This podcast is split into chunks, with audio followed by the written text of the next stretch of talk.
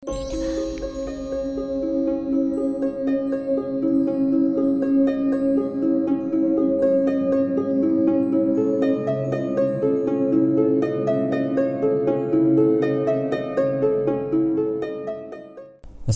warahmatullahi wabarakatuh. Salam sejahtera untuk kita semuanya. Perkenalkan, saya Denny di Rumah Horor Indonesia. Dan hari ini saya akan membacakan cerita berjudul Kontrakan Tua Aku bukanlah orang yang tergolong indigo Atau punya kemampuan melihat makhluk gaib tapi entah kenapa dari kecil aku seperti bisa merasakan adanya makhluk tak kasat mata yang ada di sekitarku. Berikut aku ceritakan sepenggal kisahku. Peristiwa ini terjadi sekitar tahun 2007. Saat itu aku baru lulus madrasah aliyah. Untuk mencari pengalaman, aku pergi ke rumah pamanku di Tapak Tuan di Aceh Selatan. Tiga bulan aku di sana, kemudian pamanku berencana pindah kontrakan untuk mencari suasana baru. Tak lama berselang, akhirnya kami pun pindah. Rumah yang sekarang kami tempati ini tergolong sangat tua. Terdiri dari dua lantai dan di setiap lantainya hanya ada satu kamar yang ukurannya menurutku terlalu besar, sekitar 6 kali 6 meter. Sudah puluhan keluarga mungkin pernah ngontrak di rumah itu sebelum kami. Hari pertama kami melakukan bersih-bersih sebelum pindah. Sebenarnya aku sudah bisa merasakan ada hawa yang lain di rumah itu tapi aku enggan mengatakannya pada pamanku. Malamnya, karena kelelahan, aku pun tertidur pulas di kamar atas bersama dengan seorang sepupuku yang cewek bernama Zahra. Usianya hanya terpaut dua tahun di bawahku. Kami memiliki kebiasaan yang sama, yakni tidak bisa tidur dalam keadaan terang benderang. Jadi kami tidur dengan mematikan lampu kamar sehingga menjadikannya gelap gulita. Gangguan dari makhluk itu langsung aku rasakan. Di antara sadar dan tidak, aku melihat sesosok tinggi besar yang tengah berdiri di sudut tangga. Karena kebetulan pintu kamar belum tertutup. Sosok itu berpostur tidak wajar dengan mata merah menyala dan rambutnya yang gimbal. Sosok itu terus menatap ke arahku. Sontak aku ketakutan dan bermaksud membangunkan Zara tapi tubuhku tak mampu bergerak, suaraku juga tak bisa keluar. Padahal aku sudah berteriak, tapi justru suaraku hanya tersekat di tenggorokan saja. Alhasil aku hanya bisa pasrah dan berdoa sambil memejamkan mata dan sekali melihat ke arah makhluk itu, berharap makhluk itu sudah tak ada. Beberapa saat kemudian, akhirnya makhluk itu benar-benar lenyap dari pandanganku, bersama dengan berakhirnya ayat kursi yang kubaca. Aku pun bisa bernafas lega. Aku lalu membaca doa sebelum tidur dan melanjutkan tidurku kembali. Siangnya aku melanjutkan rutinitasku seperti biasa dan menganggap itu hanya bentuk perkenalan dari makhluk yang lebih dahulu menempati rumah ini sebelum kami. Tiga minggu berselang, aku tak lagi mengalami gangguan. Sampai pada suatu hari, kebetulan hari itu kami berwisata ke air terjun dan sampai di rumah saat menjelang maghrib. Kami pun mandi secara bergantian. Aku mendapat giliran terakhir karena kebetulan hari itu aku mengalami masa menstruasi. Jadi aku mengalah karena yang lain mengejar waktu maghrib sedangkan aku tidak sholat. Aku pun mempercepat mandiku karena memang aku tak pernah mandi saat maghrib apalagi dalam keadaan kotor seperti itu, di mana saat-saat seperti itu rentan dengan gangguan makhluk gaib. Saat aku hendak memakai handuk, samar-samar aku mendengar seorang memanggil namaku. Awalnya lirih dan kupikir itu suara sepupuku yang cewek. Tapi ketiga kalinya benar-benar jelas bahwa itu bukan suara sepupuku. Karena penasaran aku pun menyauti panggilan itu. Siapa ya? teriakku. Ini aku kak, Irma, sautnya. Ada apa? Tanyaku lagi. Tapi sudah tak ada sautan lagi. Aku pun bergegas mengenakan anduk dan keluar sambil berpikir, siapakah Irma itu? Apa temannya Zara? Sesampainya di kamar, aku pun bertanya pada Zara yang baru selesai sholat. Apakah ada temannya atau saudara yang bernama Irma yang datang? Dia pun heran dan menjawab tidak ada. Aku lalu menceritakan peristiwa di kamar mandi. Eh, malah dia yang ketakutan. Kak, logikanya ini maghrib ya kak. Gak mungkin ada orang berkunjung karena kurang sopan berkunjung ke rumah orang waktu maghrib. Terus kakak lihat gak tulisan itu? Tunjuk Zara ke arah roster pelajaran yang ditempel di sudut langit-langit tapi sudah kelihatan sangat usang. Aku pun heran, ada apa sama roster itu? Aku mencoba melihat tulisan di bawahnya, di luar tabel roster.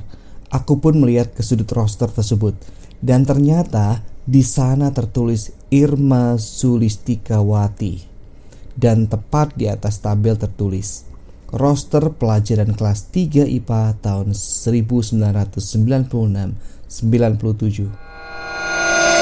Eh, kamu ini kayak orang tak punya iman saja. Habis sholat toh, masa takut sama yang begituan?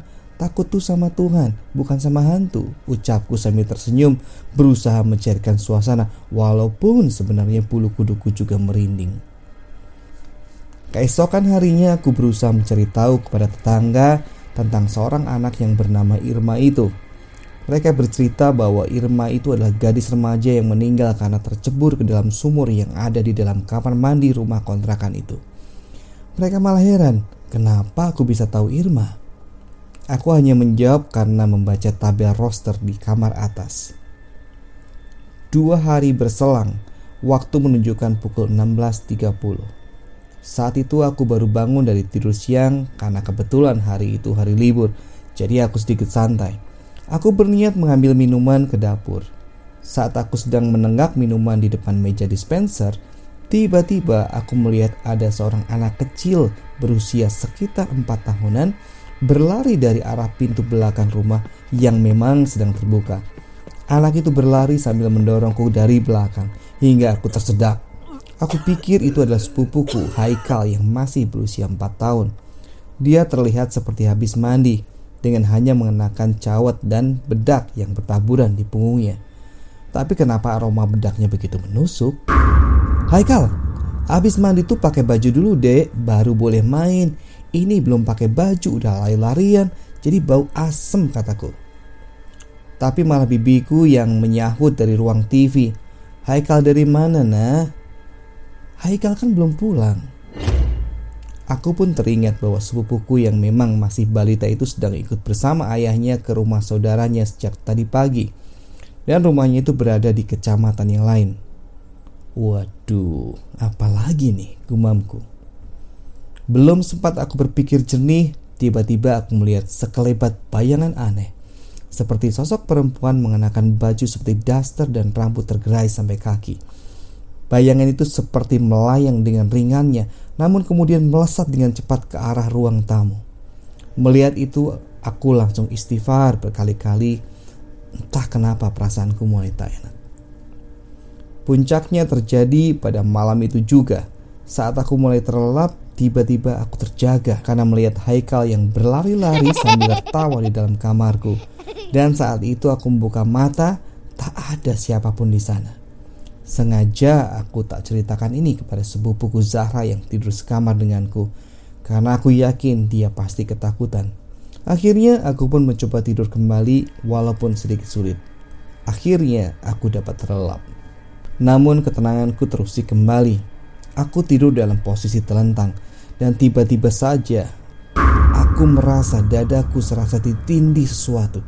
Sesak bukan kepalang dan tak lama berselang aku merasakan tubuhku diseret ke bawah. Aku berusaha meronta, berteriak hingga kurasakan tubuhku terjatuh. Kemudian tubuhku diseret lagi ke arah kursi kayu tua yang di atasnya kami letakkan kipas angin. Jelas telingaku mendengar suara kipas angin itu menderu seperti helikopter. Aku berupaya melihat makhluk apa yang memperdayaku saat itu, tapi tetap tak kelihatan. Malah yang kurasa leherku dibelit kabel kipas angin yang tiba-tiba mati. Aku merasa makhluk itu makin keterlaluan. Aku pun mulai membaca ayat kursi hingga tak lama kemudian aku mencium bau gosong dan tubuhku terasa ringan. Aku langsung tertidur di bawah kursi tua itu dengan kondisi leher yang terlilit kabel kipas angin.